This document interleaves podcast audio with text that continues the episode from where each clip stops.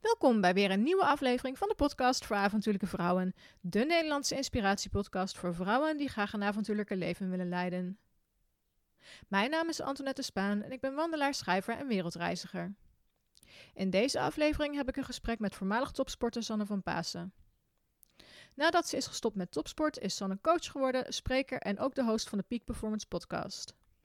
Ik zoek haar op in Brabant en we hebben een inspirerend en gezellig gesprek over avontuur, reizen, mindset en het ondernemerschap. Voor we verder gaan wil ik graag nog je aandacht vragen voor het volgende. De podcast voor avontuurlijke vrouwen is een project dat ik op vrijwillige basis doe en mij elke maand een x-bedrag kost om te produceren en in de lucht te houden. Mocht je als luisteraar geïnspireerd raken door de podcast en de vrouwen die je hoort, dan zou ik het enorm waarderen als je een kleine donatie wil doen ter waarde van een kop koffie zodat ik de podcast in de lucht kan houden en nog meer inspirerende vrouwen kan interviewen. Doneren kan via avontuurlijkevrouwen.nl slash doneren. Ik wens je opnieuw heel veel luisterplezier bij deze nieuwe aflevering van de podcast voor avontuurlijke vrouwen.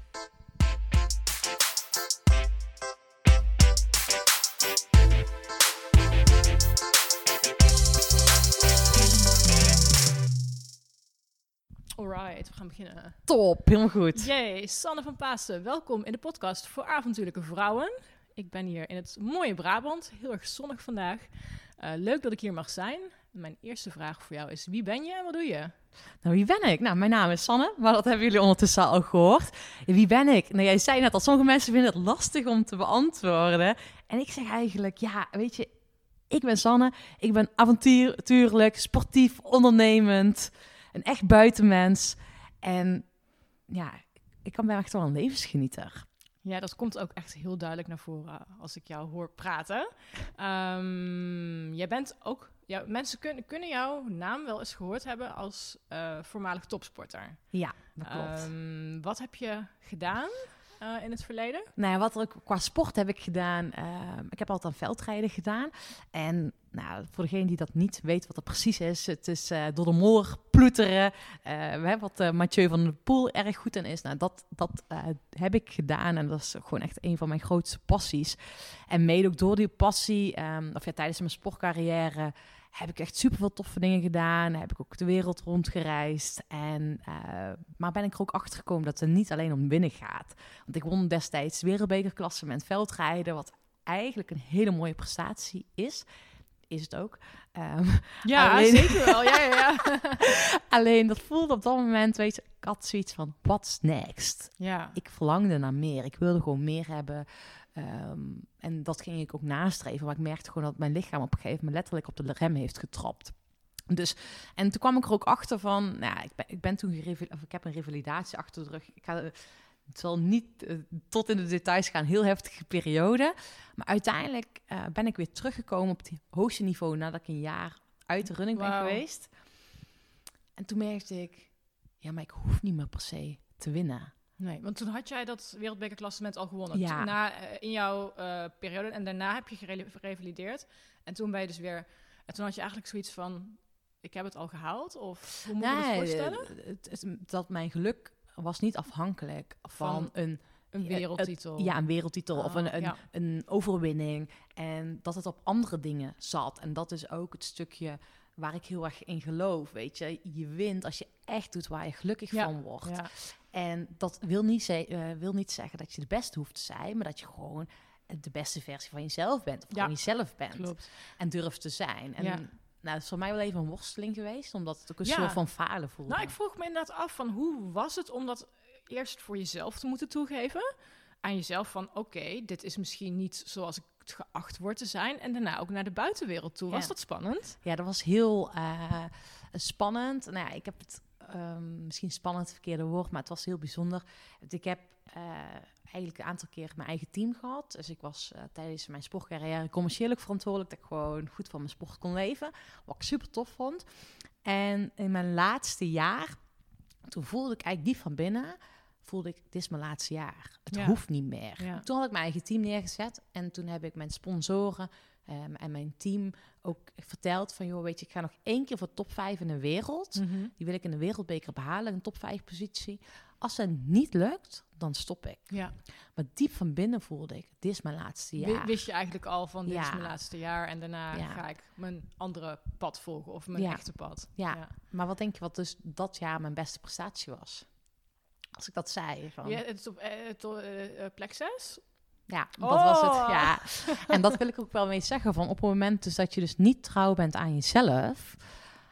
Als je dus Eigenlijk iets doet waar je niet helemaal achter staat. je dan, weet je, aan onderbewust, als je het niet handelt of niet uitspreekt, dan zorg je, om, zor- zorg je er wel voor dat je het ook niet haalt. Dus Nee. je gaat er echt in geloven. En nou, ik had achteraf denk ik veel beter kunnen zeggen, dit is mijn laatste jaar, ik ga daarmee stoppen. Ik ga er alles uithalen. Ja, ja, dat ja, heb ik niet gedaan. Dus nou, dat, dat- is ook wel een stukje ehm, hè, waarom ik nu doe wat ik doe. Ehm, en nu, hè, van wie ben ik nu? Nou ja, nog steeds diezelfde Sanne, die dezelfde dingen in het leven staat. Maar ik help dus ondernemers, eh, een groepje topsporters ook, om topprestaties te leveren. En ik zeg altijd, ik help ze zakelijk winnen zonder privé te verliezen. Het is gewoon mijn passie om anderen te helpen om eh, op hun manier te winnen. En daar word ik echt blij van. Ja, en het beste ook uit jezelf te halen. Ja, Dat is gaaf. Ja, dat is gaaf. Ehm, die quote die je net al gebruikte, eh, zakelijk winnen zonder privé te verliezen. Ehm, die vind ik heel mooi, want eh, ik ben natuurlijk zelf ook ondernemer en ik, ik, ik ga veel om met ondernemers in een mastermind groepje en eh, mijn vriend is ondernemer en wij merken zelf ook dat ehm, de standaard of de lat voor ondernemers ligt vrij hoog. Ehm, we hadden het net in het voorgesprek al even over, over social media. Van ja, je kan niet overal tegelijk aanwezig zijn. Ehm, als jij één tip mag geven aan mensen of ondernemers die echt zoiets hebben van... ehm, ik, ik, ik, ik merk, zakelijk gaat het goed, maar privé gaat het crap. Wat zou je dan zeggen? Waar moeten ze mee beginnen? doen waar ze echt gelukkig van worden. En nou, iets wat, wat ik dus heel veel voorbij zie komen, is dat we aan het streven zijn naar meer. Maar dat is de vraag of meer ook echt gelukkiger maakt. Nee, nou toevallig hadden wij laatst thuis op het bord staan. We hebben zo'n whiteboard waar we Ja. inspirerende quotes op zetten. Niet meer is beter, maar beter is beter. Ja, daarom. En inderdaad, Gijs, ehm, ik heb de hele wereld rondgereisd de afgelopen jaren. En op een gegeven moment was ik gewoon klaar. Ik dacht, ik wil Ja. gewoon thuis zijn bij vrienden en familie. En bij mijn nichtje, eh, die wordt van het weekend drie, ben ik voor het eerst op de verjaardag. Ja. En dan denk ik van, ja, dit zijn dingen waarvoor waar ik echt gelukkig Ja. van word. En ja, een palmboom om boven Ja. mijn hoofd en een vijfsterren hotel op Bali of weet ik wat, Ja. is ook leuk. Maar dat is echt, echt heel kort. En eh, investeren in mijn familie en vrienden en gewoon lekker buiten zijn en leuke Ja. dingen doen. is Zoveel meer waard uiteindelijk. Maar dat heb ik zelf dus ook ervaren. Eh, ik ben ook heel veel op reis geweest en op een gegeven moment dacht ik, ja, het is leuk weten om elke keer weer een nieuwe route te fietsen. Ja. Maar thuis is het ook heel mooi. En hè, Nederland is ook heel mooi. zeker, helemaal mee eens. Ja, dus ik denk voor die ondernemers die dat ervaren van, ik, eh, besef van, oké, meer is niet altijd hè, beter. Nee. Maar ga ook bij jezelf naar waar krijg je nu echt energie van? En nou ja, weet je, als wij allemaal, eh, als ik aan iemand vraag van hoe wil je later herinnerd worden, dan is het niet omdat je veel gewerkt hebt. Nee. En dat is Nee. ook niet zo om de hoeveel er op jouw bankrekening staat. Daar word je ook niet door gewaardeerd. Nee, maar het gaat niet, erom eh, welke bijdrage je aan jouw geliefdes hebt kunnen Hmm, eh, ja. geven of besteden. Of in ieder geval de tijd, de aanwezigheid. Daarmee maak je het verschil. Dus ga nog meer doen waar je energie van krijgt, waar je gelukkig van wordt. Durf daarvoor te kiezen. Maar vooral neem ik afscheid van de dingen dat je denkt, Niet zo fijn. nee. Ja, en dat is best wel soms wel lastig als je ondernemer bent en want je hebt ergens heel hard voor gewerkt en dan moet je denken, zeg je, dit is het toch niet. Ehm, kan ik me zo voorstellen. Maar het is inderdaad, ja, het is ook wel belangrijk omdat, eh, want uiteindelijk geloof ik wel dat als je onderneemt en je vindt het echt niet meer leuk, je ziet, dan gaat uiteindelijk gaat dat, gaat dat een keer om. Ja. Ga je een keer of in een Ja. burn-out terechtkomen of je ziet het allemaal niet meer Ja. zitten of, of het gaat gewoon heel slecht of... eh, Nou ja, dat Dat zie ik heel veel. ja, dat zal, ja. Ik zie heel veel mensen die dus maar door blijven worstelen, wa- want ze denken ook dat dat de manier is. Hè. Dat is ook een Mm. stukje hoe we geprogrammeerd zijn. Ja, ja. Dus ik denk wel dat het heel erg belangrijk is dat je durft te kiezen. En dat voelt inderdaad ook als falen. Maar op het moment hè, dat je bij jezelf even stilstaat, waar word je echt gelukkig van? En waar word je echt blij van? Nou, dan gaat het niet om omzetgetalletjes. Nee, het gaat nee. om, weet je wel, op de toegevoegde waarde die je kan leveren. En als Ja. je daarop gaat focussen, nou, en dat merk ik bij mezelf ook, want ik ben natuurlijk ook een topsporter. Ik streef ook altijd eh, onderbewust nog ergens die drive om er meer, meer, meer te doen. Maar dan denk ik elke keer weer, is dat ook echt nodig? Word ik er ook echt gelukkig van? Als ik nu over mezelf kijk, denk ik, ja, maar ik loof, leef al mijn droomleven. Ja, ja. waarom moet ik dan nog meer? eh, ja, Ja, ik heb pas het verhaal gelezen en gehoord. Was, ehm, en misschien ken je het verhaal van een visser. Die eh, iedere die ging iedere week vissen. Ging die twee halve dagen vissen, want had hij Mhm. genoeg inkomen voor heel de week. En de rest van de tijd ging hij lekkere koffie drinken met zijn vrouwtje. eh, en een boekje lezen in zijn hangmat hangen. Dat klinkt echt perfect. Ja, en toen kwam daar een westerling die zei tegen die man: Ja, maar waarom ga je niet meer vissen? Want als jij meer vissen, gaat vissen en misschien vijf dagen gaat vissen, heb je meer omzet, heb je meer geld en dan kan je andere mensen inhuren. En toen vroeg die man: Ja, maar waarom zou ik dat doen? Ja, dan kan je daar gaan groeien en dan kan je misschien wel een visfabriek bouwen en dan kan je je eigen vis ook gaan verkopen. En toen vroeg die man weer: Waarom ga je dat doen? Ja, dan kan je die visfabriek uiteindelijk helemaal uitbouwen tot een groot succes en dan kan je dat verkopen. Ja, en waarom zou ik die dan gaan verkopen? Ja, dan heb je geld en dan kan je genieten van je leven, want dan kan je eh, weer gaan koffie drinken met je vrouwtje en dan kan je af en toe als je zin hebt weer gaan vissen. en toen zei die man, ja, maar dat doe ik nu toch al? Waarom zou ik dus Ja, meer gaan doen? ja. En dat vond ik zo geniaal dat ik dacht, ja, we, We streven altijd naar meer. ja, En nog meer omzet en nog meer likes en nog Ja. meer shares en comments en nog meer ja, nog een hoger getal op ons bankrekening. Maar uiteindelijk word je daar natuurlijk niet gelukkig van. nee, Dat zijn de kleine dingen die het doen. Vanmorgen de zonsopkomst bijvoorbeeld in het bos. ja, Waar ik woon. Nou, ik, ik kwam precies tussen twee eh, bomen. Dat ik echt tegen mijn vriend ook zei, kom even kijken, super mooi hoor. En dat is een echte kleine momentje dat ik denk Ja. van, ja, dat is onbetaalbaar. ja, dat, ook al dat heb is je heel veel geld op je bankrekening staan, Ja. maakt het uiteindelijk niet uit. Ja, want dat is het ook, weet je. Het is gewoon die kleine momenten. Ja, Waarvan je achteraf dacht van, oh, dat was... eh, soms, soms realiseer je het ook achteraf pas. ja, Je denkt, oh, dat was echt een fijn moment. Dan denk ik met heel veel warmte en liefde aan terug. ja. Ja. En ik vond gisteren heel bijzonder, was in de bossen. En ik had een van mijn klanten en mijn coaching is altijd buiten. Ja, ja. Oh, Op de fiets ook altijd? Of ook wandelend? nou, 9 van 10 keer op de fiets. Eh, soms zijn er mensen die niks met fietsen hebben. Dan ga ik mee wandelen of, of hardlopen kan ook. maar, Oké, maar, cool, ja. Dus ik doe het echt gewoon wat bij diegene past. Ja. Maar deze man, die heeft kinderen. Ehm, en nou ja, je proefde gewoon door heel zijn verhaal heen. Hij zegt, ja, ik mag gewoon meer genieten van het thuis zijn, maar ook van, van mijn kind. Weet je, die is zo'n streebericht. Ik kon gewoon niet genieten van... Ja, ik, ik krijg het, ik vind het echt heel... eh, het doet wel iets met me. Als ik Mhm. gewoon zie dat iemand zo aan het rennen is... en denkt dat dat de manier is. Hij weet dat het genieten van zijn kinderen... het meest bijzondere is wat er is. ja, het meest Maar het lukt hem niet. Oh, ja. Ja. Dat is bijzonder, hè? En dat is wel fijn dat, men, dat, dat, dat mensen dan jou vinden. En dat jij ze dan hopelijk daarvan bewust gaat maken van... hé, hey, maar kijk eens eventjes. Ja. Ehm, tof dat je dat doet. Dus- Ja, ik vind het ook heel bijzonder. Hij, eh, deze man ook heeft gewoon drie jaar gezocht voordat hij de stap maakte om met een coach samen te Ja. werken. Ja, dan vind ik het toch wel heel bijzonder dat, dat, hij- jij hem dan... Ja, dat ik hem mooi. daarmee mag begeleiden. Ja. Ja, mooi verhaal. hey, als we even naar het avontuurlijke teruggaan. ehm, wat betekent avontuur voor jou? Heb jij een vaste definitie? Of helemaal Ja. niet? Lekker mijn eigen pad volgen. ik denk dat dat een beetje mijn definitie is. En eh, mijn avontuur is ook gewoon eigenlijk geen plannen maken. Was jouw leven als topsporter avontuurlijk? Want wij zien natuurlijk, als ik gewoon even terugdenk naar... eh, hè, we zien op Studio Sport, ik heb je op Studio Studio Sport wel eens voorbij zien komen. Ehm, we zien echt maar een heel klein stukje, mm, maar je reist dan de hele wereld over. Maar was dat dan avontuurlijk? Of was dat dan, eh, omdat het eigenlijk alles vast lag, was het dan juist niet avontuurlijk? Kun je daar iets over zeggen? Ja, dat is een mooie vraag. Ik heb het zelf avontuurlijk gemaakt. Mhm. Kijk, ik heb natuurlijk twee keer mijn eigen team gehad. Dus ik heb ook zelf mijn eigen trainingskampen georganiseerd. Eh, een gedeelte is niet av- avontuurlijk omdat het geëikt is. Omdat het vast afgestemd is en vast gepland is. Ehm, maar dan nog, weet je, je hebt de routes die je fietst. Hè. We gaan op trainingskamp, ga je trainen. De Ja. routes die je fietst, eh, nieuwe, hè, ook eh, sportscholen die je opnieuw ontdekt. Dus dat is vrij avontuurlijk. Ja, Ja, en in het laatste gedeelte van mijn carrière heb ik ook heel veel uh, deed ik als trainingen. Nou ja, als iets avontuurlijk is, is, Is het dus mountainbiken, mountainbiken. ja. En ik ging heel vaak alleen op trainingskamp, vond ik geweldig.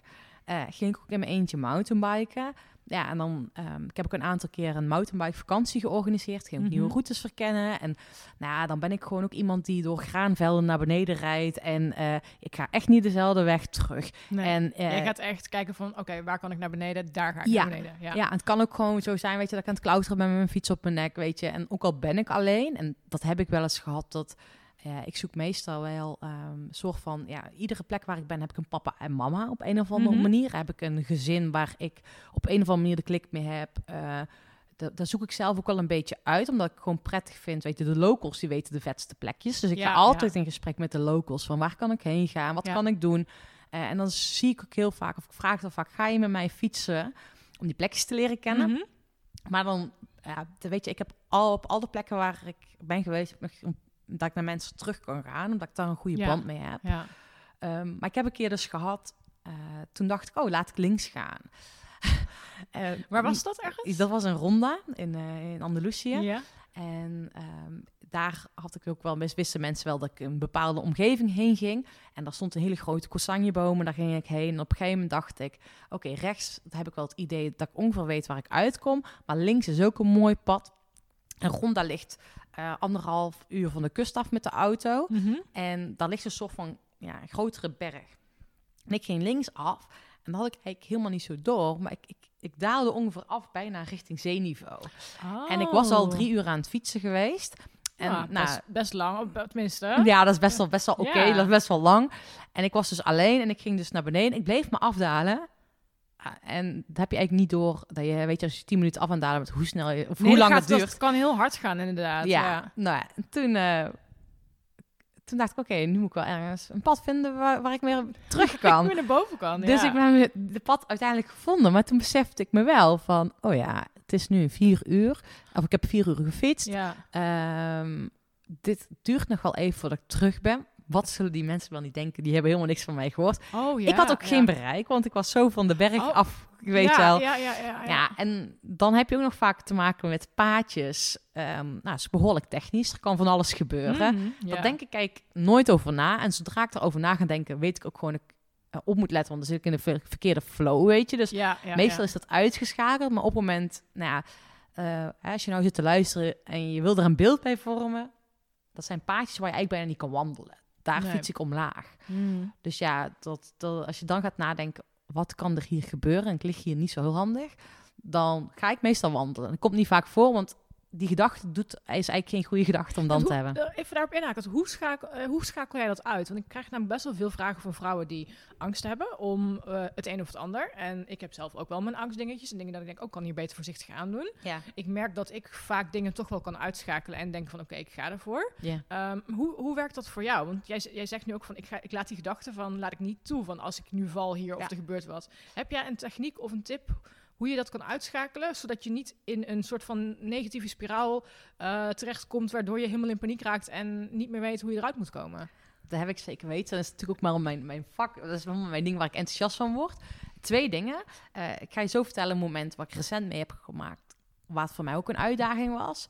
Ehm, maar met de mountainbike, kijk, ik vertrouw mezelf volledig. Dus ik weet gewoon heel goed eh, wat ik moet doen om die fiets onder controle te hebben. Ja, ja. Ehm, dus, dus van als de luisteraar nu zit van... Het is denk ik wel belangrijk dat je dus gaat... Hè, dat je zelf wel vertrouwt. Dat je Mhm. gewoon vertrouwt van... Ja, weet je, met wandelen kan eigenlijk niks gebeuren. Weet je, je wandelt. Ik bedoel... ja. want- En, en toch vinden mensen beren op de weg. Of nee, dus, ja, dus, ja, de- van, ja. wat als ik een eng iemand tegenkom? Wat als ik, als ik verdwaal? Ehm, ja. Nou ja, wat, wat ik daar dus heel erg naar heb... Hè, van je bent dan bezig, hè, dus je emotionele brein komt Mhm. dan aan het woord. En ik heb heel erg duidelijk helder mijn procesdoelen, noem ik dat. Je hebt een resultaatdoel. Ik wil van A naar B. Ik Mhm. wil een bepaalde tijd, bepaalde route afleggen. Ehm, en op, op het moment dat je daarop gaat focussen, dan kan je ooit in die verkramping schieten. Mhm. Als het anders loopt. Maar dan zeg ik altijd, ga focussen op proces. Dus hoe ga je dat doel realiseren? Ja. En voor mij is het gewoon heel erg belangrijk. Vertrouw op je intuïtie, hè, vertrouw Mhm. op jezelf. Maar ook procesdoelen als, nou, heel technisch, van hang achter je zadel, kijk vooruit, eh, heb ontspannen schouders. Hoe zit mijn ademhaling? Dat ik daarop ga Je focussen. gaat dus niet helemaal verkrant op je fiets zitten, zodat je het hele lichaam er ook Nee. op reageert dat je je eigenlijk misschien een klein beetje oncomfortabel voelt. Ja, dus ik heb eigenlijk ook een aantal dingen. En dit heb ik natuurlijk getraind. Dus en ook voor wedstrijden heb ik dit Mhm. getraind. En heb ik gewoon als het ware een aanvalsplan opgeschreven. En dat zie ik ook bij klanten waar ik dat bij doe. Van schrijf eens op eh, waar je op zou kunnen focussen. Op het moment dat je merkt, ik vind dat spannend. Waar zou Mhm. ik op kunnen focussen? Eh, zodat dat er een gedachte opkomt of een gevoel opkomt wat niet handig is. Dat je die focus gaat verleggen. Ja. En dat kan heel erg goed helpen. Althans, dat me helpt mij heel erg Mhm. goed. Ehm, maar ik heb dus pas ook een moment, ik ben pas gaan skiën. Uh, nou ja, bent ook pas weer pas, pas terug volgens mij. ja, klopt. Ja, ja, Ja, ja, ik ja. heb echt tien jaar niet geskiet. Echt, eh, Ik steek nu mijn hand omhoog, dat ziet niemand, maar Ja. is heel herkenbaar, ja. ik heb tien jaar niet geskiet en eh, eh, toen heb ik dus, ben ik één keer gaan skiën, heb ik één keer vijf dagen op de skis gestaan en heb ik volgens mij vier lessen gehad. ja. dat is mijn skiervaring. Ik ging recent samen met mijn vriend naar Livigno skiën. En eh, we hadden les, want we dachten, nou ja, we nemen een les. En we gaan die blauwe piste naar beneden. En die eh, leraar die zei tegen ons: Jeetje, waarom moeten jullie les? Jullie skiën zo goed. Dus ja, wij, hebben, wij ski, skieden ook goed, Ja, zeg maar. Eh, En op de blauwe piste, super. Ik, echt. Ging gewoon echt lekker. Ja. ja. Alleen toen ging ik de rode piste af. En dat was allemaal behoorlijk stijl. Mm. En er gebeurde iets in me. Dus die verkramping, echt mijn lichaam. En ik ging met mijn kont naar achter, wat je absoluut niet moet doen op de skis, want dan ga je, ga je nog sneller. En toen ervaarde ik zelf weer, wat heel veel mensen hebben, van dat ik over werd genomen door die angst. Mm, ja. En ik weet heel goed hoe ik dat om moet zetten. Maar waar ik bij mezelf achter kwam, is, nou weet je, ik wist gewoon niet hoe ik kon skiën. Die blauwe piste ging zo goed, Ja. omdat wij heel sportief zijn. We hebben lichaamsbeheersing. Is relatief Precies, je, je makkelijk. zit in de sport, je weet van oké, je, je, ehm, je hebt sommige mensen die leren sportieve dingen, Ja. zijn, die hebben overal aanleg voor, die, Ja. kunnen, die kunnen dingen snel oppikken. Ja. Maar ja, de rode piste is dan, te- ja. Ja, het was dan dus een graadje erger. Ja. Alleen ik wist dus niet wat ik met fietsen heb. Ehm, en fiet, met fietsen weet ik gewoon, kijk ver vooruit. je weet Doe die hand. Ja, ik ja. weet precies waar ik op Ja. moet focussen. Wat, wat nodig is om technisch goed te fietsen. Maar met skiën ging dat bij mij automatisch. Dus ik skiede automatisch goed Mhm. op die blauwe piste. Maar zodra er dus stress of angst bij kwam kijken... of eh, meer uitdaging, eh, wist ik niet... Ja, ik wist dat ik eh, naar voren moest hangen. Maar ik wist niet wat, wat ik met mijn lichaam precies moest doen. En wat ik tegen mezelf kon vertellen. Dus dat vond ik een hele bijzondere. Dus dat is wel waarom ik net ook zei: van zorg wel dat je vertrouwen hebt in datgene wat je doet. Dus dat je eigenlijk weet wat je mag doen. Ja, En ja. Dat je eigenlijk... En dus- ehm, to- ja, er is een uitdrukking to familiarize yourself with. Dus weet van, oké, hoe werkt mijn fiets? Hoe werkt dit? Of als je in een bos Mhm. gaat wandelen, weet ik ongeveer waar ben ik überhaupt eigenlijk? Ja. Eh, als ik vier keer rechts ga, waar we het net even over hadden in het Ja. voorgesprek, wat gebeurt er als ik vier keer rechts zou gaan? En dat je een klein beetje weet van, oké, als ik over twee uur lang eh rechtdoor loop, dan weet ik, oké, ik moet ook ongeveer twee uur lang weer teruglopen om bij de auto te komen. Het zijn hele simpele dingen inderdaad, om te kijken van, en waardoor je zelf ook zelfvertrouwen creëert, denk ik. Maar dat is denk ik ook precies wat je nu zegt. Eh, ik zeg altijd, je moet gewoon trainen. Ja. En dat is met dat skiën ook. Kijk, nou ja, eh, stom om daarover na te denken dat je verwacht als je tien jaar niet hebt geskiet en daarvoor één keer vijf keer eh, vijf dagen hebt geskiet, dat het in één keer soepel gaat. Dat, is gewoon, dat kan gewoon niet. Dus ik had gewoon, als ik achteraf denk, ook ik had gewoon thuislessen moeten nemen. Dat je meteen al daar... dat ik wat, ja. wat meer getraind ben. Ja. En dat is ook als je dus op reis wilt gaan of een keer een solo reis of een hike wilt gaan doen. Ga dan gewoon thuis eens een keer hiken. Ga eens Ja. gewoon eh, het Pieterpad lopen. Weet Ja, ik veel. ja, Ga dat eens, gewoon doen. Ja, nou sowieso inderdaad. Ik krijg best wel ook wel veel vragen van vrouwen en die willen dan in één keer eh Everest Basecamp trek gaan lopen of Out of the Blue of, of, of iets dergelijks. Dan denk ik, je moet eigenlijk zo klaar als je veel kleiner beginnen. Dus ga eens in Nederland met een rugzak lopen. Ga eens met je schoenen, kijk eens hoe dat werkt. Ga eens een keer 40 kilometer met een dag op, op een dag met een rugzak lopen. Ga eens uit die comfortzone. Kijk dan wat er gebeurt. Ga het gewoon oefenen. En dan kun je kijken van, oké, maar zou ik dit ook meteen in Nepal kunnen doen of, of iets. Maar begin gewoon heel klein. En zodat je in ieder geval voorbereid bent ook wat er potentieel... Je, je kunt niet elk gevaar ondervangen. Want als je op een steentje gaat staan en je, je valt om en je breekt je enkel... Ja, daar kun je niet echt op voorbereiden.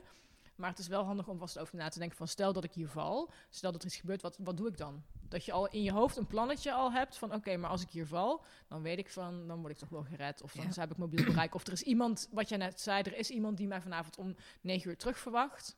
En als ik niet terug verwacht ben, dan wordt er misschien alarm geslagen Ja. of zo. Ja, ik geloof eigenlijk gewoon, het komt altijd goed. Ja, nou, dat vind ik een hele mooie. ja. In plaats van eh, het glas is half leeg, het glas is half vol. Gewoon Nee, kijken van, ja. ja. het komt wel goed. Ja, Ja, en ook, ehm, ja, wij zijn ook heel veel in het buitenland geweest. Ook op plekken waar gewoon de taal, eh, eh, IJsland, waar de taal echt een barrière is. Mm, ja. Ehm, althans, ik spreek geen, wat is het, IJslands? ik weet niet hoe je de taal daar uitspreekt. maar in ieder geval, weet je, mensen willen je helpen. Ja, ja. En ehm, ik geloof er echt in, weet je wel, er zit zoveel meer communicatie eh, dan hè, de taal. Je kan nog op andere manieren Ja, communiceren. En ja. ik geloof echt in de goedheid van de mens. En ja, absoluut. we, hè, veel mensen denken, ja, maar als ik een verkeerd iemand tegenkom. Nou, ik geloof er echt in. Weet je, als ik hooi en lach naar iemand, dan lacht diegene terug. En ehm, nou, ja, je moet niet al uitgaan van het slechte van de mens als je iemand Nee. tegenkomt. Helemaal niet. Als je daarmee bezig gaat, dan gaat dat wel je stresslevel eh, verhogen. En dat is eigenlijk helemaal nergens voor nodig. Want als ik gewoon terugkijk op de afgelopen jaren dat ik alleen gewandeld heb, Ja. dan is er één keer wat gebeurd, een paar weken geleden, waarbij ik me onprettig voelde. Maar dan dacht ik van, ja, weet je, ik ben eigenlijk elke dag buiten. Ja. Dus ja, ehm, als het een keer moest gebeuren, dan moest het mij gebeuren. Want ja, ja ik ben elke dag buiten, dus dan ja, is je risico Wat groter. gebeurde er dan? ik heb het toevallig de vorige twee podcasts ook verteld. Dus degene die het verhaal opnieuw horen. Ik was in het bos aan het wandelen en er, eh, ik moest een verharde weg oversteken. En er kwam van achter kwam er een auto. Ik dacht, oh, misschien is het een buurman van mij. Want we wonen op een tiny village waar eh 40 huisjes staan. Maar ik herkende hem niet. Maar het is gewoon een weg het bos in waar verder niemand komt eigenlijk. Ja. Dus ik was gewoon benieuwd van, hé, hey, wie is dat? Misschien een boswachter of iets dergelijks. En hij parkeerde zijn auto. Hij ging achter mij aanlopen. En toen is hij zich op een gegeven moment gaan staan aftrekken. Oh, ja. En toen dacht ik echt van, oké, wat gebeurt hier nou? Maar ik dacht van, ik kan niet terug naar de weg. Want ik voelde me een beetje opgesloten. Als ik verder het bos in ga en hij komt eventueel achter me aan... Ja. dan, eh, ja, ik ben niet zo'n hele harde renner. Wat ga ik dan doen? Ja. En het was gewoon puur dat ik op dat moment dacht van, wat gebeurt hier? En ik weet ook, het was niet persoonlijk tegen mij gericht. En, maar op dat moment was ik heel bang. Dus ik ben nu echt aan het kijken van, oké, ik wil gewoon het bos weer in. Of ik ga gewoon het bos weer in. En, Ja. Maar ik wil me niet... Ik wil me niet door die angst laten leiden dat dat nog een keer kan gebeuren. Nee. Ja. Dus ik, ik probeer dat echt heel goed uit te schakelen van oké, die man die nu voorbij, die nu aankomt lopen, dat is gewoon een normale man. Ja. En dat is 299 keer is dat goed gegaan. Gewoon Ja. een man die...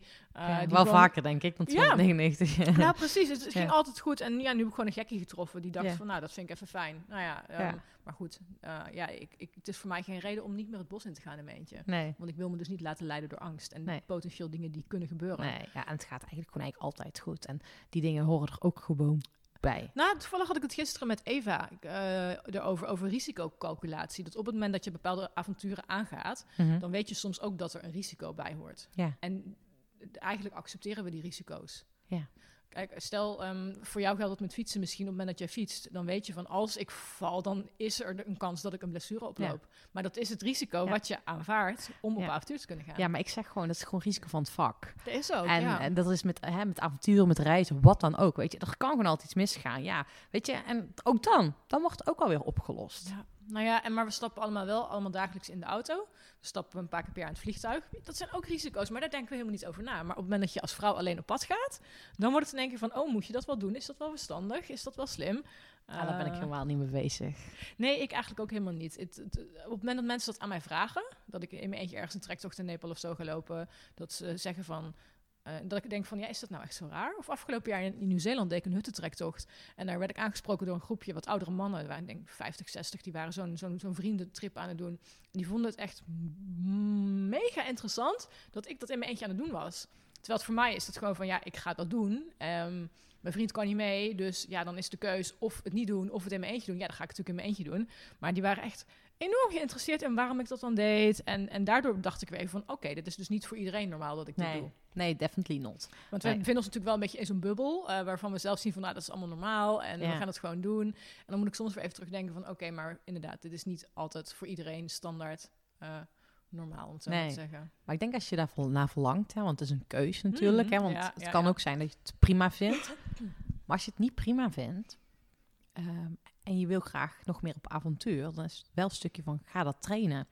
Ga Ja. kleine stapjes maken en avontuur in eigen land. Hè. Dat is natuurlijk gewoon in je eigen dorp. Heb jij trouwens, ik zag laatst iets op je Instagram volgens mij voorbij komen. Heb jij tips voor vrouwen die eh, op avontuur willen met een wat lager budget? Ehm, of die zeggen van ik wil, niet, ik, ik wil niet vliegen of ik wil gewoon een eigen land. Heb jij nog dat je denkt van nou dan zou ik je dat aanbevelen? Ja, nou sowieso Pieterpad. Heb je hem helemaal gelopen? niet helemaal, ik ben een stukje stukken aan het doen. Ja, ik vind hem echt super vet nou. Ik heb hem ook gelopen. Ja, je hebt hem helemaal al gelopen. Ja, een, een van de plekken, waar, eh, een van mijn favoriete plekken is hier ergens in de buurt. Bij Van Venray en dan verder naar het zuiden. Oh, die, die heb ik Eh, gelopen. In. Zwalmen, langs Zwalmen. ja, ik, en, ik, eh, ik weet dat ik daar echt een heel een stuk heel erg mooi vond, eh, toevallig. Ja. Bij, eh, oh nee, Venray ga ik nog heen. Ehm, ik, loop, ik heb het tot Venlo gelopen, van Maastricht Vanaf- tot Venlo. Oké, dus je Nee. bent van, je bent Ja. een uh, Nobo. Ja, ik ben daar Noordwaarts. vanuit een... Van van het- zuid naar noord aan het Ja. lopen, ja. Maar dat is ook, dat is echt een aanrader. Ehm, maar wat, ja, sowieso, weet je, ook, ik gewoon op een lager budget. Kijk, Mhm. ik weet niet of alle luisteraars helemaal sportief zijn, maar ik eh, zei straks al tegen je dat een van mijn klanten zei, ik heb rechts-links gedaan. Dus Ja, hij, ja. hij ging, en die vond ik echt geniaal. Ik, doe, ik heb het zelf nog nooit gedaan. Ik ben meer gewoon, eh, ik ga de onbekende paadjes in. Maar hij heeft het zelf gedaan, was hij we- thuis weggefietst. Was hij rechts gegaan en dan ging hij het eerstvolgende weggetje ging hij links. En dan ging hij weer het eerstvolgende weggetje ging hij rechts. En zo ging hij dat door, weet je. En dat doe je dan een uur. Eh, of misschien anderhalf uur. En dan ga je weer terugweg zoeken. Ja, ik vind het echt een super vet idee. Ja, dat is echt gaaf. gewoon- ja, ja. ja. Dus dat, dat eh, zou echt gewoon een hele mooie aanrader zijn. Nou ja, sowieso zou ik gewoon voor jezelf ook een lijstje maken van wat zou je nog allemaal gewoon graag willen doen. Weet je, je hebt ook wel bucketlist dingetjes, Mhm. weet je wel. Ja, ja, ja. Eh, en de bucketlist dingetjes hoeven helemaal niet zo groot te zijn. Maar neem je oma gewoon een dagje mee en ga wandelen in het natuurgebied bij je om de hoek. Eh. Zo simpel is het. Ik ga binnenkort eh, met mijn moeder samen fietsen in Groesbeek. Oh, wat leuk. Ja, is een mooie omgeving ook. Ja, eh, schitterende omgeving. En ik vroeg mijn moeder van, joh mam, wat wil je nog eh, met mij een keer gaan doen? En toen zei ze, ja, weet je nog dat we samen in Limburg aan het fietsen waren? En toen heb ik haar een keer op de racefiets meegenomen. Ja. Ik zei, nou, dan ga ik met je mee naar Groesbeek. Ze, ze wilde dat meteen gaan doen. Ik denk, ja, dat is ook gewoon heel vet. Dat je gewoon met je dierbaren... Nog zoiets kan ervaren. Ja, ja, ja, ja, En een van mijn favorieten, waar ik binnenkort doorheen ga, is gewoon naar de Waddeneilanden gaan. Oh ja, het is ook prachtig. Welk eiland ga je naartoe? Heb je dan een vast... Ameland, ja. Wij gaan eigenlijk aan Ameland. Oh ja, die heb ik dus nog nooit gezien. Ik ben op Texel en Schiermonnikoog geweest. Maar inderdaad, elke keer als ik daar kom, denk ik wel van... Ah, dit is ook echt fantastisch mooi. Ja. Heerlijk, ja. Ja. Ja, en wat ook nog een echt avontuur is. eh, sowieso heb je dat met fietsen, maar je kan dus gewoon GPS-tracks downloaden. Mhm. Met wandelen kan je dat ook, hè? Ja, ja. Ehm, download gewoon een GPS-track. En ga, Ga het gewoon, gewoon doen. Ga het gewoon doen, Ja. weet je. Die kan je op je telefoon zetten. Je hebt ook eh, nou een Garmin, dat. En ehm, ik heb dat ook wel eens gedaan. Dat, dat is niet helemaal mijn ding, maar ik kan me voorstellen dat de mensen dat leuk vinden, is geocaching. Oh ja, ja. Ik heb het ook wel eens gedaan en ik, toen zag ik de lodder niet zo van, maar toen was het koud en regenachtig en dacht ik, oh, ik wil gewoon doorlopen. Toen was ik echt heel fanatiek aan het wandelen. En ehm, eh, hoe heet het? Ik had toen echt zoiets van, eh, wat zijn we aan het doen? Maar ik snap wel dat mensen dat heel erg leuk kunnen vinden, want het is een soort van schat zoeken. Ja. Heb ik begrepen, als je er een beetje in komt en het Ja. leuk gaat vinden en zo. Dus eh Ja. goede tip. Die heeft nog niemand anders gegeven. Dus dat vind ik wel erg leuk. Vaak komt het inderdaad neer op een lange afstandswandeling. Of maar de geocaching, eh, ja. ja, goed idee. Eigenlijk gewoon kamperen. Ja, sowieso. Het liefst eigenlijk nog gewoon lekker in het bos ergens of zo. Ja. En volgens mij heb je gewoon, die heb ik nog nooit gedaan hoor, maar dat zal ik, zal ik dit jaar wel eens willen doen. Of van die wildkampeer eh, van die gratis wildkampeerplekken. Ja, heb eh, paalcampings heb je Ja. inderdaad. En ehm, ja, ik, toevallig heb ik gisteren Eva gesproken. En eh, zij zei ook, zij is van eh, Amsterdam naar Sarajevo gewandeld. Hm. eh, zonder op campings ook te overnachten en zo. En ik vroeg van, hoe heb je dat in Nederland gedaan? Dat vond ik echt rete interessant om eens te horen Ja. van... Ja, zet je dan gewoon in Nederland in het bos ergens je tentje op... en krijg je dan geen rare reacties? Want ik vind in het bos in Nederland kom je eigenlijk altijd wel mensen tegen. Dus dan, Ja. krijg- wat, vond je dat niet eng? En was je dan niet bang dat je weggestuurd werd? En zij zei ook van, ik heb het gewoon altijd geprobeerd om het met toestemming te doen. Zijnde van Staatsbosbeheer, zijnde van een boer op zijn land... zijnde Ja. van, eh, van, een, van een gemeentepark of zo. Ja. En ik werd eigenlijk nooit weggestuurd. Er werd altijd gezegd, prima, zet je tentje maar op. Toen dacht ik van, ja, de, de men, wij, wij gaan ervan uit van, het mag niet, dus ik doe het niet. Nee. En het zal, dus het zal dan ook wel niet mogen als ik het vraag. Maar ze zei, ik heb nergens problemen gehad. Ja. Ze vond het alleen maar super tof als ik het vroeg. eh, Ja. eh, en ze heeft gewoon zelfs bier en eh, koffie van Staatsbosbeheer Ja. gekregen. Dus Oh, ik denk van, cool. ja, ik zou inderdaad nooit bedenken van, ik ga bij Staatsbosbeheer mijn, mijn tentje opzetten. Ja. Maar ja, als je het gewoon vraagt, dan zou het Why misschien not? zomaar kunnen. Ja, Ja. inderdaad, ja. Hey, en ehm, als ik kijk, ehm, wat is je grootste avontuur tot nu toe? Ja, ik denk je fietscarrière of niet? Of is, het, of is het nu dat je denkt van mijn hele nieuwe carrière als, als peak performance coach? Ehm, Ja, maar dat is sowieso een avontuur, gewoon mijn leven aan zich. Hè? Maar als je dus, zeg maar, één, we hebben één avontuur meegemaakt. En waarschijnlijk weet je dat die niet eens. Maar we hebben een keer een bikepacking trip gedaan. hmm. Door Patagonië. Oh, Patagonië. Ja. Oh, zo vet. En ehm, weet nog goed, ik zat in, eh, in de trein en ik was iets aan het lezen, me voor het bereiden. En daar stond, als je gaat fietsen in Patagonië, is het handig om van Noord naar Zuid te fietsen. Mhm. Wij hadden onze tickets van Zuid naar Noord. dus ik belde mijn vriend op. Ik zei, ja, ik lees dit nu. Ik zei, eh, misschien moeten we hem gaan eh, veranderen. Ja. Hij zei, nee joh, Sanne, wij kunnen toch goed fietsen? Maar we wisten helemaal niet wat er kwam eh, ons te wachten stond. Maar ja, we zijn dus van Zuid naar Noord gaan fi- fietsen. En de eerste dag ging nog wel. Maar ja, het is allemaal lange rechte wegen. ja. Eh, waar, waar zat je in Patagonië? Ja, we zijn in Os Oswawa, Oswa- Ushuaia. Ja, Argentijn- Argentijnse Patagonië. Ja, Ja, we zijn dan- helemaal puntje, zuidelijkste Oh, puntje zijn we puntje begonnen, ja. Ja, Ushuaia. En toen zijn we uiteindelijk eh, naar eh, San Bariloche. Oh. oh, dat is ook... Hoe lang heb je daarover gedaan? Ja, uiteindelijk was het dus, we, hadden, we zijn een maand weg geweest. Oh, dan heb je hard gefietst. Oh, Het klinkt heel... Ik weet, het is Ja, heel maar we hebben, dus, dus- we hebben dus uiteindelijk niet zo heel veel gefietst. Want we hadden dus wind tegen en daar waait het heel ja, hard. Oh. Dus we, we, we hebben Ja. dus zeg maar, de eerste dag ging oké. Ehm, het was wel saai landschap, weet je. Het is, eh, zoals mijn vriend zou zeggen, nou ja, je ziet een cactus staan en diezelfde cactus staat eh, eh, 100 honderd kilometer later ook nog. En dan heb je geen één bocht gehad, dus het is wel iets anders dan Nederland. Ja. En we hadden een tentje bij en alles. En, ehm, maar de tweede dag zijn wij overnacht in een bushokje. Ehm een tweede dag gingen we dus fietsen, vol moed. Alleen de wind was gedraaid. En wij Oh. hadden een beetje zijweggetje genomen. En nou ja, een lang verhaal kort te maken. Wij fietsten achter elkaar aan. Het waaide zo hard. En toen ging er, kwam er een bus voorbij, of een auto voorbij, na, denk na drie kwartier fietsen. En die was voorbij en we keken elkaar aan. En zeiden we, die hadden we moeten hebben. Want ja. het was echt zo'n saaie weg. Van de- de- dat het eigenlijk gewoon niet leuk meer is. Nee. Ondanks dat je in Ja. Patagonië bent, Ja, kun je dus jammer er niet meer van inzien. nee.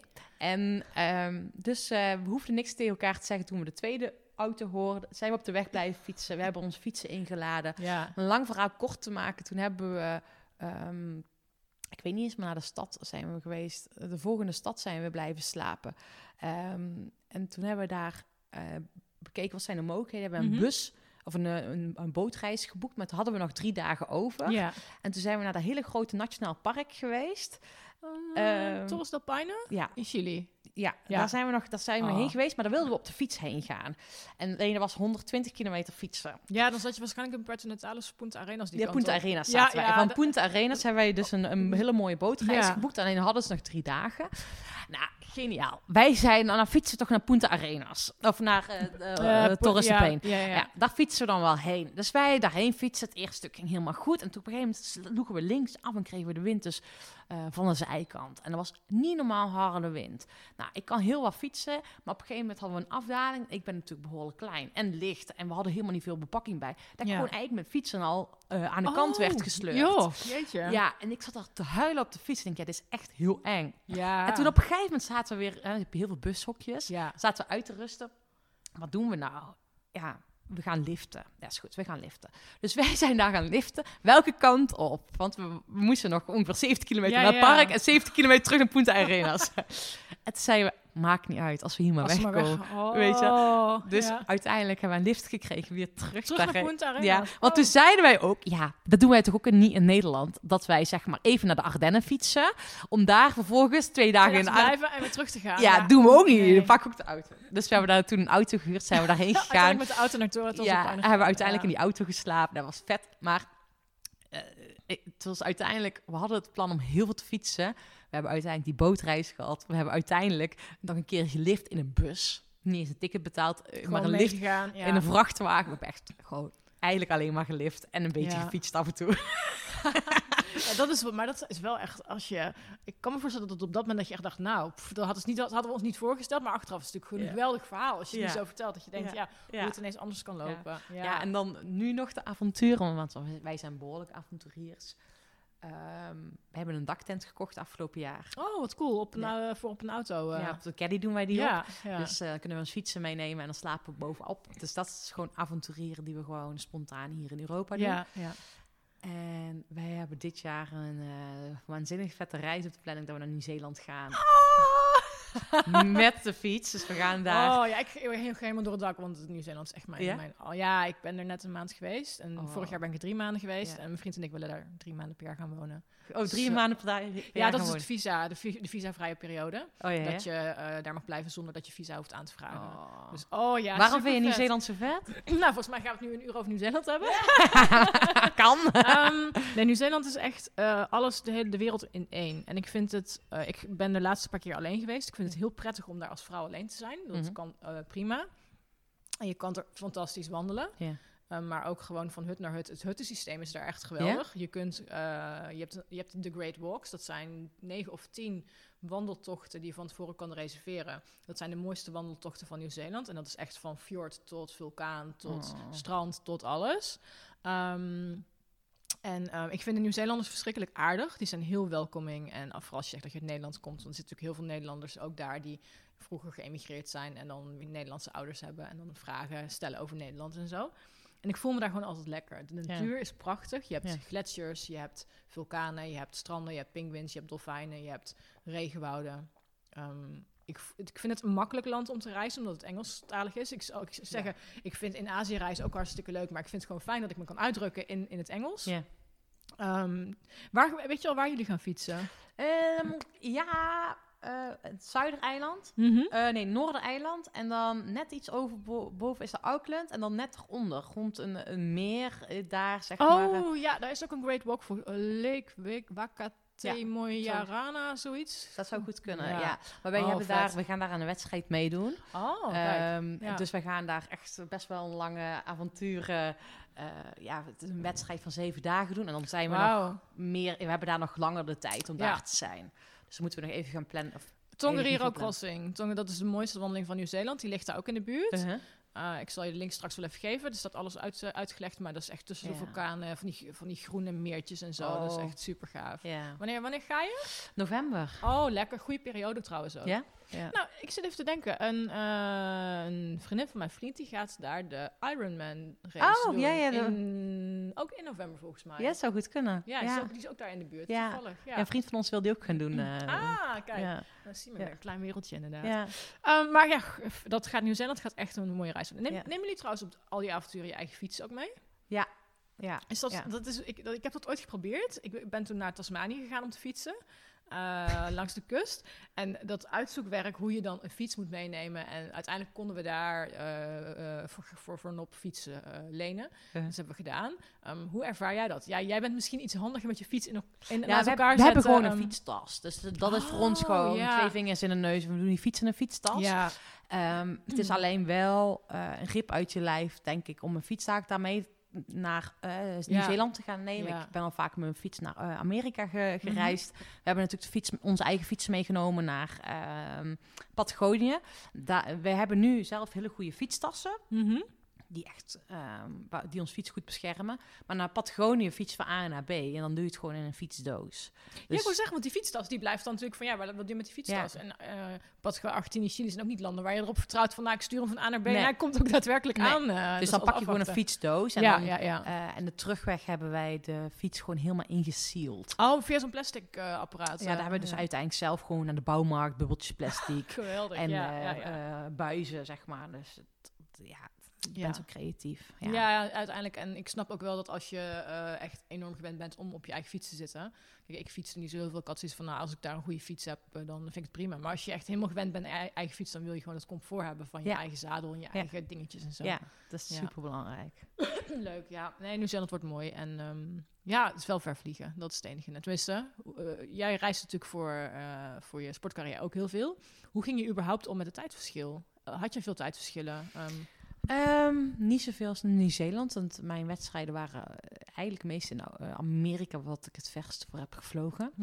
ja. Ehm, hoe ik daarmee omging, ja, ik was eigenlijk ge- relatief makkelijk. En- ja jouw lichaam paste zich vrij snel aan aan nieuwe tijd. eh, ja, verschil. nou, wat ik altijd doe, op het moment dat ik het vliegtuig instap, eigenlijk dat ik op het moment dat ik ingecheckt ben, dan zet ik mijn horloge, dan draag ik, ik draag eigenlijk nooit Ja. een horloge, maar dan draag ik een horloge. Mhm. Dan zet ik die meteen op de tijd de nieuwe van, tijd. Ja. Ja. En vanaf dat moment ga ik eten, slapen, Op de... nieuwe tijd. Ja, logisch. Weet je, denk ik gewoon, ja, weet je, het is gewoon nu, eh, is het, dus als ze daar liggen slapen nu nog, ga ik nu slapen. Dus ga ik niet meteen in het vliegtuig zitten als het overdag is, dat ik me ga werken of de, Nee, i- nee. iets ga lezen. Nee, als ze daar aan slapen zijn, ga ik slapen. Ja, Dus ik ga meteen over in op. lokale tijd en zo goed mogelijk proberen om... Ja, ja. en ehm, vroeger, en die luxe, of dat wil ik dus nu niet meer doen, maar dat deed ik dus eh, op het moment dat ik dus wist dat ik in het vliegtuig moest slapen, dan nam ik ook gewoon een slaappil. Ja, Weet ja, je, als het ja. gewoon, dan eh, moet ik nu maar eh, moe zijn. Ja. Oh, ik sla nu op de microfoon, dat is natuurlijk niet zo heel handig. nou, luisteraars, als jullie nu een paar keer een klopje hebben gehoord, dan is Sanne die op de microfoon slaat. We hadden het er nog over voor, vooraf. ik weet hoe dat ding werkt. Ja, en gelukkig kan mijn vriend, die filtert ook alle hoge tonen eruit. Dus als wij ha, ha gaan lachen, dat als je je dopjes in hebt, dat het normaal gesproken niet zo is. Dat mensen heel hard schrikken. maar, dit is echt grappig. Ja, ja, maar ja, maar eh, dat. Ja, maar dus ik, Jij gaat meteen naar de, naar de Ja. nieuwe tijdzone en probeert je dan op die manier een beetje aan te passen. Ja, en je moet gewoon, vind ik, als je op het begin ergens anders bent, dat je niet te veel van jezelf moet en veel buiten Nee, zijn. Veel licht. Ja, zonlicht. soms, ja. Hoeveel sport jij nu eigenlijk nog? Nu jij eh, geen eh, topsporter meer bent, maar wel gewoon... Nee, maar je wil wel gewoon in vorm blijven. Je, je doet nog steeds hartstikke veel. Heb jij daar een vast stramien voor? Want je bent ook super druk als business of als Ja. coach eigenlijk. Ja. En met je eigen bedrijf. Ja, nou ja, ehm, ik, ik heb helemaal trainingsschema ben ik afgeschaft. Ja. Ik heb gewoon geen trainingsschema meer. Ehm, ik ga echt op mijn gevoel. En ik sport Ja. ook wel vier, vijf keer in de week. Mhm. En nu heeft mijn vriend een trainingsschema. Wij doen heel veel samen qua sporten. Dus ik ga met hem wel eens mee wat, wat intensiever. Maar als ik er geen zin in heb, ga ik niet intensiever. En ik merk gewoon als ik te veel, te intensief sport. En dat is ook altijd wat ik mijn klanten adviseer. Weet je, vaak denken we dat we met sporten totaal los moeten Mhm. zijn. Maar ik vind gewoon dat je vooral moet bewegen. ja. En ehm, vooral als je stressvol werk hebt, of een, eh, weet je, je bent net papa of eh, vader of moeder geworden, ja, dan moet je niet te intensief sporten. Moet je vooral bewegen om fit te zijn. En ja, weet je, dan kan je af en toe wel eens een uitschieter hebben. Iemand tot het gaatje gaat, maar dan moet je niet drie keer in de week doen dan nee, misschien. max Nee. één keer in de week. En dan liefst ook nog met een periodisering dat je opbouwt. Mhm. Kijk, en ik ben nu gewoon, ik ken mijn lichaam heel goed. Eh, ik weet gewoon waar ik blij van word. Ik weet ook wat mijn lichaam aan kan. En ik train dus niet te, te intensief, zeg maar. Nee, dus je gaat gewoon lekker... Want als jij traint, ga je denk ik op de fiets naar buiten. Of ga je naar een sportschool bijvoorbeeld. Of nee, ja, sportschool eigenlijk niet hardlopen. Ehm, ik ben ook heel veel core stability toch wel nu aan het doen. Oh ja, ja, ja. Ehm, omdat ik, ja, hè, we in Nieuw-Zeeland die reist, dat, eh, bijvoorbeeld die wedstrijd, dat is zes, zeven dagen. Maar je zit wel een uur of vijf, zes Op per dag per op de fiets. ja. Dus dat is lang. Dus je vraagt gewoon behoorlijk wat van je lichaam. En ehm, dat is ook wat ik altijd zeg, weet je wel. Je moet gewoon een hele goede basis hebben. Gewoon een sterk lichaam. En dan kan Ja. je heel veel aan. Ja, dat is helemaal waar, ja. Hey, en ehm, wat ik van de week, dat, ik weet niet of jij hier antwoord op kan geven. Het is gewoon een leuke persoonlijke vraag. Ik sport normaal gesproken s'avonds. avonds. in het weekend sport ik 's morgens, maar twee keer door de week s'avonds ook. en ik dacht van de week, laat ik een keer 's morgens gaan sporten. Want eh, je hoort ook wel eens van als je ondernemer bent, je kan natuurlijk eigenlijk altijd alles doen wanneer je dat zelf wilt. Toen ben ik 's morgens gegaan. En, ehm, eh, en ik was de hele dag moe en suf. Toen dacht ik, volgens mij ben ik geen ochtendsporter. Kan, bestaat er zoiets dat je echt denkt van... Ik, ik ben beter, ik kan beter s'avonds sporten na het werk? Ik weet niet wat je hebt gedaan. Wat heb je gedaan? Pilates. Dus het is helemaal niet super... Intensief. Nee, helemaal niet. Maar ik had echt... Ik was, ik was zelf nog helemaal... Ik, ik kon helemaal niet zoveel rekken. Nou, ik ben sowieso niet super atletisch als in... Of mijn spieren zijn niet zo lang dat ik heel erg Mhm. ehm, eh, diep kan buigen. Ik ben altijd degene die zo'n beetje het minst ver kan komen met alles. Ehm, maar ik had echt zoiets van, alles zit nog vast. En, ja, en maar ik- dat is logisch. en ik merkte dat ik ook de dag de- dat ik eigenlijk gewoon daarna gewoon moe was. Dat ik dacht van ik heb een aantal uur al gesport. Maar ik had ook geen zin meer om te werken. Ja. Maar dat kan sowieso, hè, dat je dat daaraan moet wennen. Maar het is sowieso logisch dat je minder ver komt in de ochtend dan in de avond, omdat je gewoon nog niet warm bent. Ja. Eh, en het kan ook dat dat gewoon een ander effect heeft. Bij mij is bijvoorbeeld, ik kan s'avonds niet intensief sporten. Nee. Dan ben ik gewoon, is mijn batterij leeg en eh, dan, nee. Als, ik- als ik dus iets intensiever wil sporten, moet ik dat 's ochtends doen. En dan, maar dan, dan kan je daarna nog wel gewoon goed Ja. werken. Ja. Ja. En Ja. denk je dat dat te trainen valt? Dat je, dat Ja. je zoiets kan opbouwen? Ja. Dat je zegt van nou, nu heb ik eigenlijk, ik heb eigenlijk geen zin om van de week weer 's morgens te gaan sporten. Nee. Op zich vond ik het wel lekker, omdat ik dacht van nou, ik sta normaal zit ik om zeven uur 's morgens achter de laptop als ik een dag een werkdag thuis heb of op mijn kantoortje. Maar nu dacht ik van nou, ik stond super chill op, ik ging een koffietje doen, even een ontbijtje maken en, en stapte in de auto naar de sportschool sporten. Nou, mm, eh, en daarna moest daarna had ik dus nog de hele dag voor me. Ehm, maar het is misschien ook wel goed. Dat valt dus wel lichamelijk te in mijn trainen. ogen valt dat gewoon te trainen. Je moet er gewoon aan wennen. Gewoon volhouden even een tijdje, ja, kijken hoe ja. dat. eh, ja. Ja. en dan kan je het evalueren natuurlijk. En ieder, ja, iedereen is anders. De een sport liever in de ochtend, de ander in de avond. ja. Het is uiteindelijk wel dat je die energieboost krijgt. Dus misschien is het ook nog afhankelijk van... Ja, in mijn ogen is Pilates ook wel enigszins relaxed. Mhm, ja. Het kan best zijn dat het anders voor je werkt op het moment dat je... Ik spinning ga doen of een, eh, ja. Ja. een eh, high intensity training. Ja, nou gaat het wel eens. Ik vond op zich het idee van het sporten 's morgens vond ik echt lekker. Maar de, ik had niet de boost daarna dat ik dacht Nee. van, oh wauw, dit, dit moet ik elke dag. Ja. Waarom ga ik niet langer of eerder 's morgens eh, sporten of zo? Ja, snap ik. Oké. Ja. Hey, ehm, ik zal nog even kijken wat ik nog meer voor vragen had. Oh ja, ik wilde nog met jou over hebben over. Ik luisterde laatst een podcast met. ehm, ik, ik weet niet meer. Thijs Lindhouw, denk ik. Of. ehm, anyway, jij zei. ehm, succes is volledig jezelf kunnen zijn. Dat vond ik heel mooi. Kun je daar iets meer over vertellen? Want ik heb daarna een discussie gehad met iemand die zei: Ja, dat is helemaal niet. Nou, ja, ja, serieus. Oh, leuk. Nou, mooi. Daar gaat het om. Dat ik mensen aan het nadenken zet. En ik, ik, hoorde hem en ik dacht echt, ik was in Oostenrijk Ja. met een eh, aantal collega-bloggers. En, we- en toen kwam, toen kwam eh, zij kwam met het tegenargument. Ja, maar iemand die eh, zwerver is, die is ook volledig zichzelf. Dat is de vraag. Dat kan ik niet. Ja, dat- en, ja die, daar, eh, die is die dan wel gelukkig en succesvol. En nou goed, en toen zei ik, maar wat is dan ook die definitie van succes? En toen dacht Ja. ik echt van, nou, dit is echt zo'n leuk discussiepunt. Ja, ja, ja. ja, Want ja. Wat, ja, wat, is, wat is succes? Nee, kijk, weet je, ik geloof erin op het moment dat je... Hè, ik vind het belangrijk dat je eigen spelregels bepaalt. Mhm. Kijk, succes is in mijn ogen niet materialistisch. Niet per se, per se meer geld, grote auto.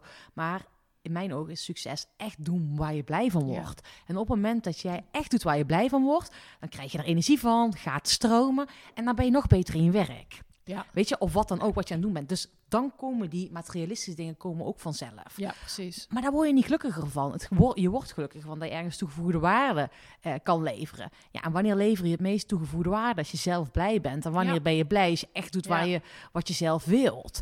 Ehm, kijk, en dat is met die zwerver. Ik vraag me af of die zwerver echt gelukkig is. eh, of dat hij echt doet wat hij, wat hij leuk vindt. Mhm, Ja. En je ziet dat er vaak, denk ik, met, met, met zwervers, die zijn op een bepaalde manier eh, gewired. En ik heb eh, een keertje zelf met de zwerver, ehm, nou ja, eh, ik was in Eindhoven, mijn trein had vertraging en ik ging ergens een- op een bankje langs twee oma's zitten. Mhm. En daar komt een zwerver langs mij zitten toen die oma's weggingen. En ik voelde, ik was aan het eten en het was, hij rook. Ja. En ik voelde echt mijn maag in elkaar knijpen. Ik- Fysiek voelde ik echt, oeh, dat vind ik niet prettig. nee. En toen vond ik van mezelf, van Massanne, je kan niet maken dat je nu opstaat. Dat is ook een mens. Mhm. Ehm, Maar wat goed dat je überhaupt op die manier al denkt. ja, ja, dat, ik, ik weet, ik, ik, ik geloof, wat ik straks al zei, ik geloof echt het beste in, in de mensen. En toen dacht ik, kan ik twee dingen doen. Ik kan inderdaad opstaan, maar dat vond ik niet prettig.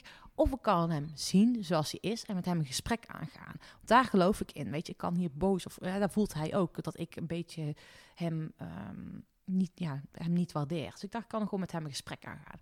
Dus ik ben met hem een gesprek aangegaan van... ehm, joh, heb je ook een fijne dag? En hij begon te vertellen en hij zei van ja, en jij bent zeker... Het ging ook, kwam er ook op neer dat hij mij succesvol vond, want ik zal er wel ergens werken en ik zou er wel goed geld verdienen. En ehm, toen ging ik naar hem ook vragen, maar wat doe jij dan? En ehm, heb jij ook werk? En hoe zit dat dan? Hoe, eh, weet je, zijn verhaal. Mhm. En nou, ik kan niet helemaal precies reproduceren, maar wat hij zei kwam erop neer van ik ben laag begaafd. Mm. En ehm, nou, dat doet iets met mij, want ehm, hij begon helemaal te zeggen, ja, er is gewoon, er is tegen mij gezegd, ik kan niks, ik laag begaafd, ik kan alleen maar dit doen en verder kan je niks. En eh, dat vind ik gewoon heel erg van onze maatschappij, dat wij dus mensen labelen. En of dat nou laag begaafd is of ehm, hè, ik heb ook ooit een video gezien of een filmpje gezien over eh laag geschoold of eh, niet, Mhm. niet, niet eh, hoog, geen hoge opgeleiding. Dat daar best wel een stereotyping of dat daar labels op geplakt worden. Of ook dat mensen zeggen, ja, jij hebt ADHD of jij hebt autisme. Dus jij kunt niet dit, dit of dat. Ja. Vergeet het maar. Of je, jij bent zo, dus dat kan niet. Ja. Vind ik heel erg. En die man is in zijn waarheid gaan geloven. Of in de Oh, waarheid ja. gaan geloven dat dat niet kon. Ehm, omdat het altijd tegen hem gezegd is. Maar ik geloof erin als er tegen hem andere verhalen zijn verteld. Mhm. En dat hij in zichzelf is gaan geloven. Want hij is in zijn verhaal gaan, of in het verhaal tegen hem gezegd is gaan geloven. Dat werd zijn waarheid. Ja, en, en daarom leeft hij nu op straat, is hij weggegaan. En ik denk als je aan deze man zou gaan vragen, wat zou je het liefst doen?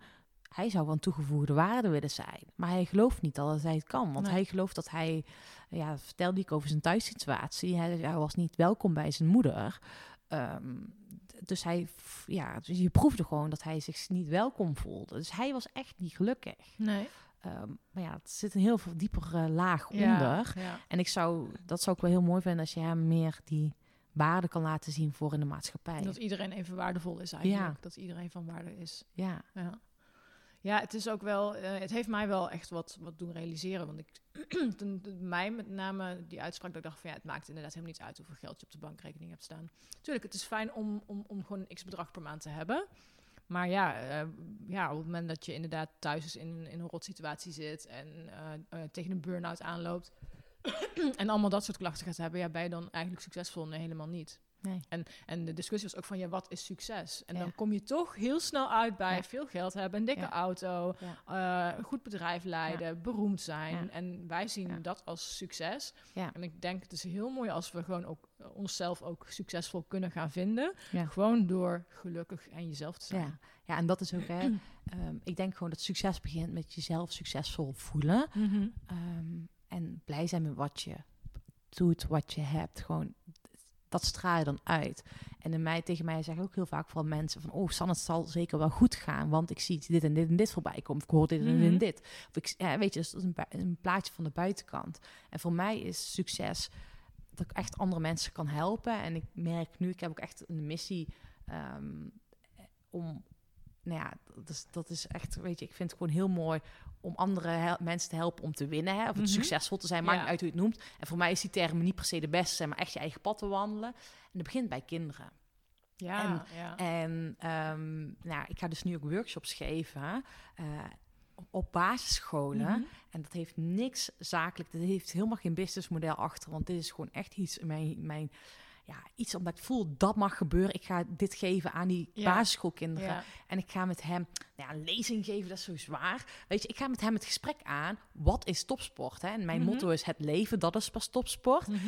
En ik, mijn boodschap is eigenlijk wel dat die kinderen de deur uitgaan. En ik wil dat ze beseffen van, ik ben tot nog meer in staat dan ik zelf denk. Ja. En ik kan mijn doelen realiseren. Ik kan doen wat ik zelf wil. Daar moet ik voor trainen. Moet ik voor uit mijn comfortzone komen. Doet af en toe pijn. Ik heb af en toe die spierpijn. Neem ik Mhm. rust. Maar weet je wat ik ook altijd zeg? Eh, verliezers of eh, winnaars verliezen nooit. Maar eh, winnaars leren en ontdekken hoe ze het beter Ja. kunnen doen. Nou, helemaal met je eens. Ja. Ja, en dat wil ik met die kinderen gewoon mee gaan geven. Van jullie zijn tot nog meer in staat. Ga het gewoon doen. Kom uit je comfortzone. Doe het af en toe pijn. Nou, en nou, dat is gewoon iets ehm, dat ik gewoon nu voel van... Daar, wil ik mensen mee... ja. Ja, worden, en weet je, daar hoef ik geen geld voor te hebben. Echt Hm. niet. Het is gewoon een stukje bijdragen waarvan jij denkt van ik kan dat. Ja. ja. Ja, Mooi. ja, dat is super vet. Dus dat staat voor de komende Leuk. periode op de planning. Ja, en, en, en dat doe ik. Ik verdien er geen geld voor mee, maar ik voel me er wel mega succesvol door Ja. als ik daar andere mensen mee in beweging kan Ja. krijgen. Nou ja, het is hetzelfde met deze podcast. Ik zat net in de auto hier naartoe en ik dacht van, oh, ik heb gisteren twee hele vette interviews gehad. Ik heb, ben zelf geïnterviewd. Ik zit nu hier. Dus ik ben gewoon nu al succesvol met mijn podcast. Ik verdien er geen cent mee. Maar ik kan andere vrouwen inspireren door avontuurlijker te worden. Al is het maar door een keer naar een andere supermarkt te gaan. Of een keer een wandeling door het stadspark te maken. Toen dacht ik, ja, als ik, dit is eigenlijk wat ik wil. Ja. En eh, natuurlijk zou het mooi zijn als ik op den duur de podcast een keer kan monetizen. Ja. Maar aan de andere kant, voor nu is het... eh, en ook mijn, mijn verhalen op mijn website staan allemaal gewoon gratis voor iedereen te lezen. Maar dat doe ik echt omdat ik het leuk vind. Ja. Ik hoop dat mensen iets aan mijn verhalen hebben over hoe je je kan voorbereiden op een trektocht. welke maaltijden je moet meenemen. Dat soort dingen bijvoorbeeld.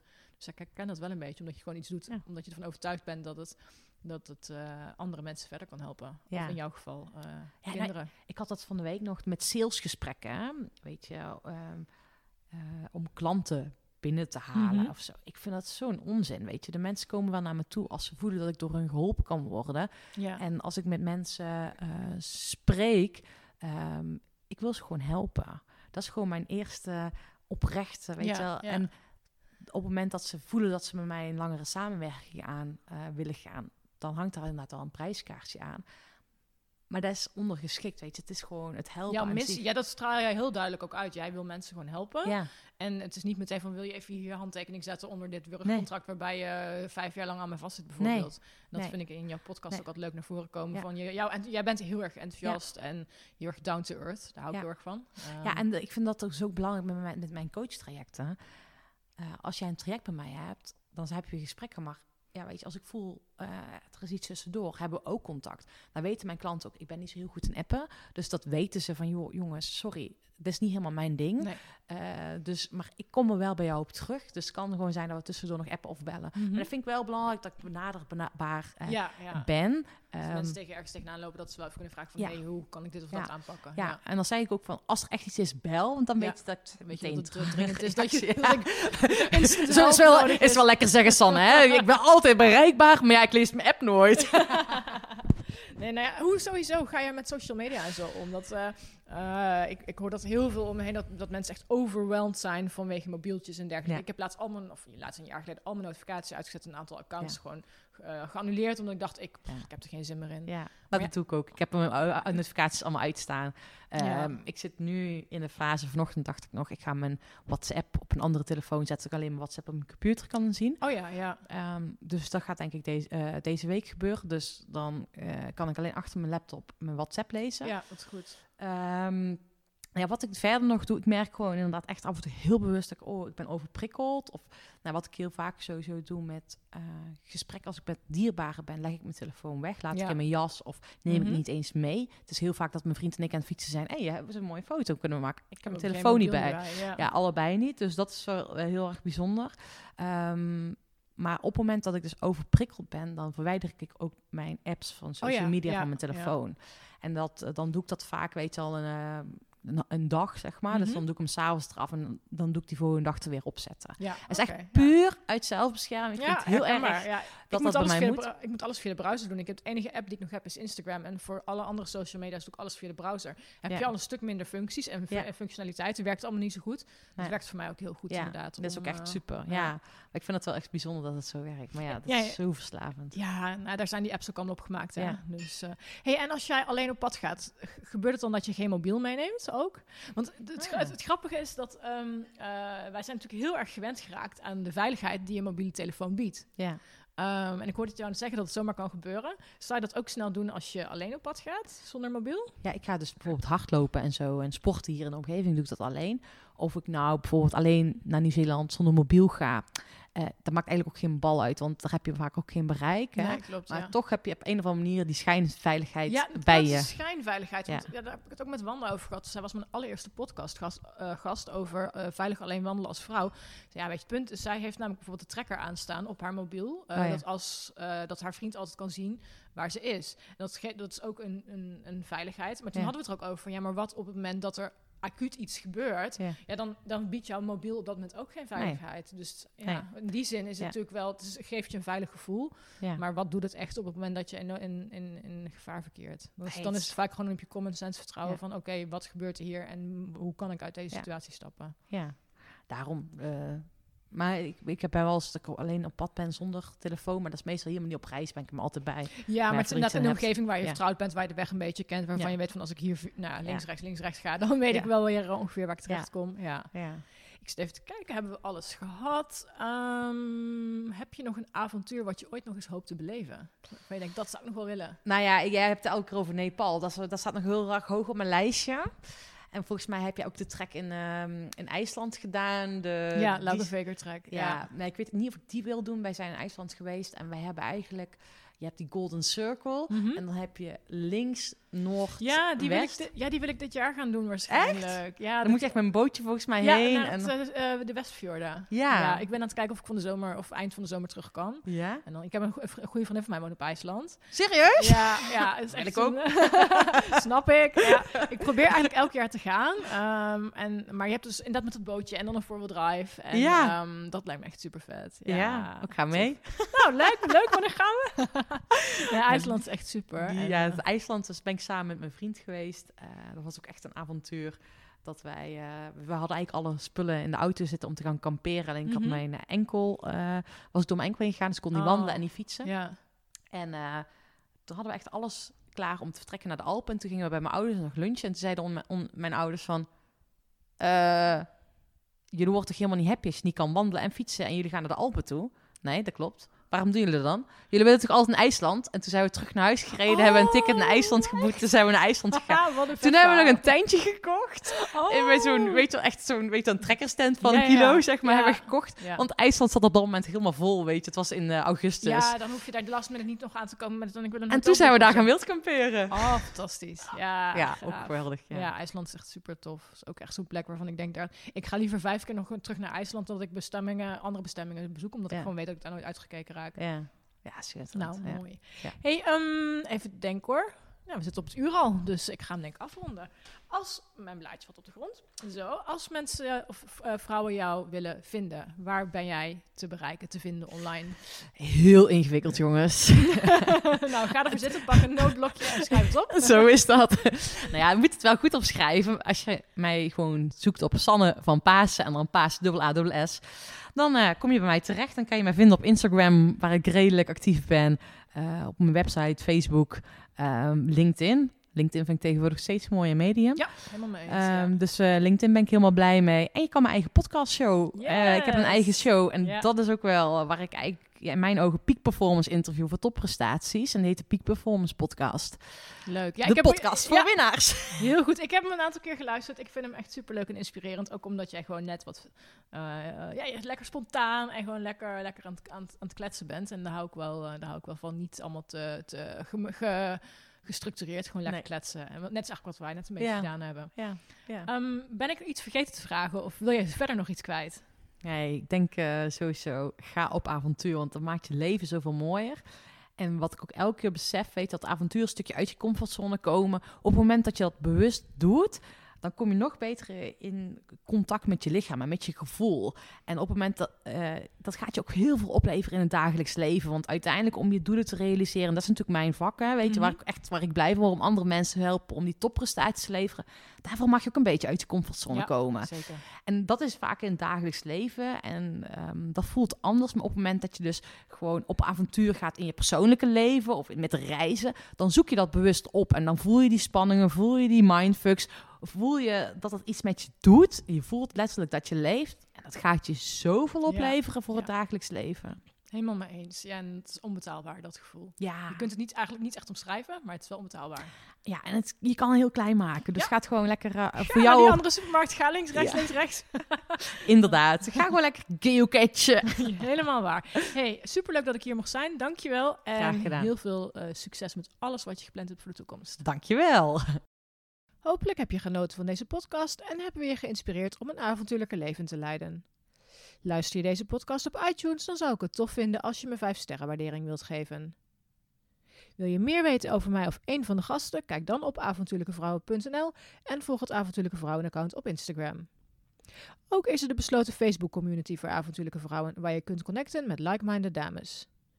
Lid worden kan eenvoudig door een lidmaatschapsverzoek in te dienen. Voor nu bedankt voor het luisteren en graag weer tot de volgende keer.